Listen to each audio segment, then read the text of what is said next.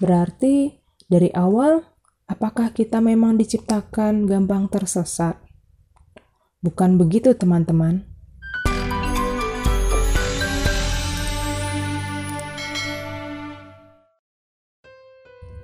Shalom teman-teman Aposo yang penuh inspirasi di mana pun berada. Tetaplah bersyukur sekalipun ada banyak hal yang tidak bisa kita pahami di dalam hidup kita, bahkan mungkin untuk yang terjadi saat ini. Mari sebelum memulai renungan, kita menenangkan hati kita terlebih dahulu.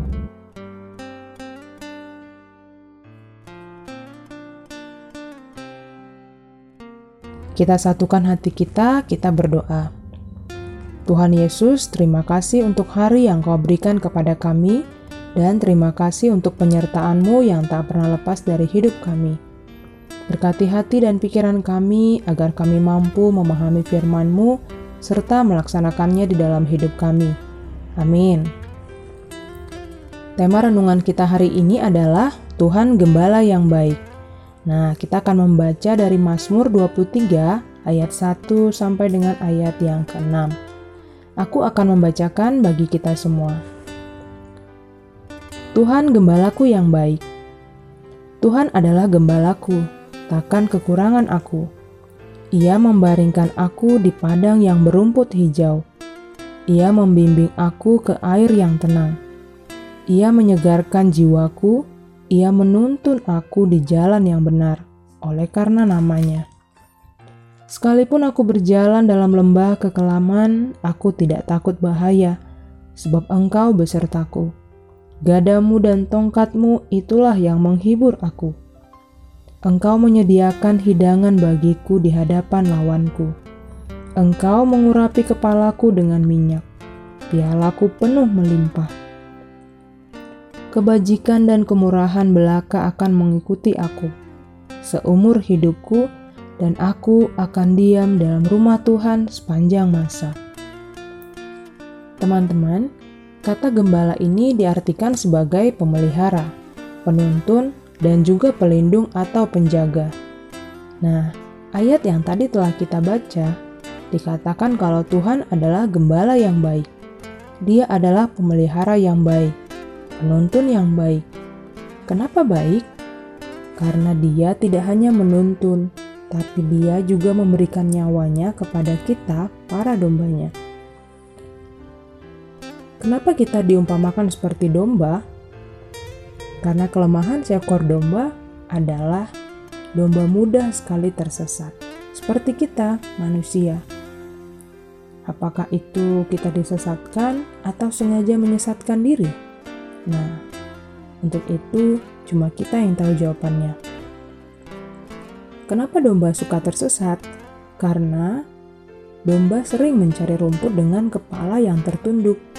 Nah, kebiasaan sering menunduk inilah yang membuat domba sering terpisah dari kawanannya. Lalu, ketika domba mengangkat kepalanya dan tersadar dia sudah terpisah dari kawanannya, domba menjerit ke sana kemari dengan penuh kebingungan untuk mencari kawanannya. Namun, upaya sang domba sering sia-sia dan berakhir dengan kegagalan. Nah, kondisi terpisah dan bingung inilah yang mulai mendatangkan berbagai jenis bahaya yang mengancam keselamatan. Sekali seekor domba telah tersesat, maka biasanya dia akan terhilang.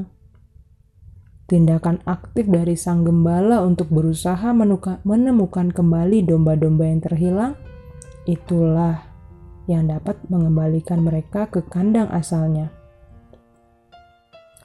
Berarti, dari awal, apakah kita memang diciptakan gampang tersesat?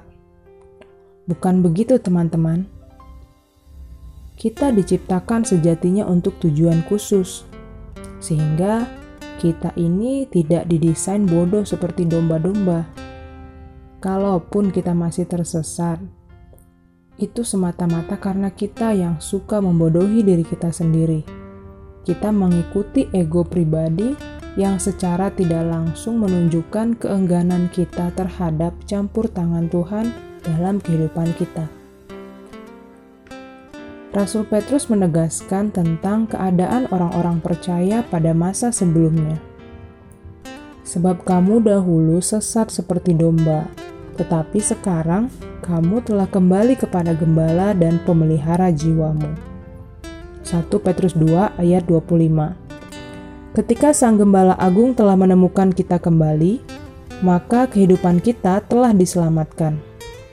Tuhan berkenan memikul kita di atas kedua bahunya. Itu suatu pengalaman hidup yang sangat indah. Kita telah digendong oleh Tuhan. Oh iya, kenapa dikatakan di Mazmur, "Ia membimbingku ke air yang tenang"? Karena domba itu kurang terampil minum di air yang alirannya deras atau tinggi.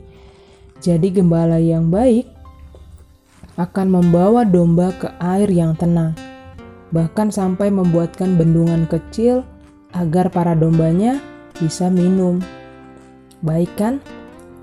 Seekor domba tidak bisa tanpa gembalanya. Begitu juga dengan kita.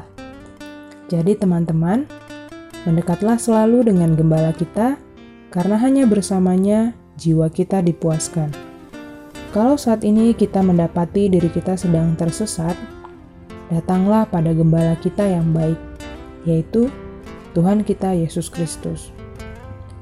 Demikianlah renungan kita hari ini. Saya persilakan teman-teman untuk mengingat kembali apa yang kita dapatkan dari renungan ini.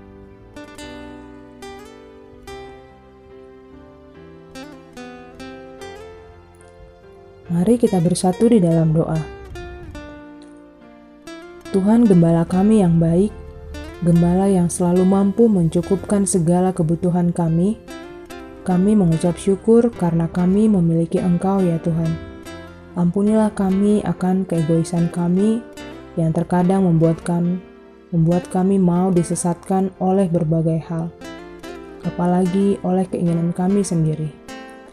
Lihatlah kami ya Tuhan, Tuntunlah kami selalu ya Roh Kudus, agar kami selalu ada pada jalanmu. Ke dalam tanganmu kami serahkan seluruh hidup kami. Amin. Selamat beraktivitas kembali teman-teman. Tuhan Yesus memberkati.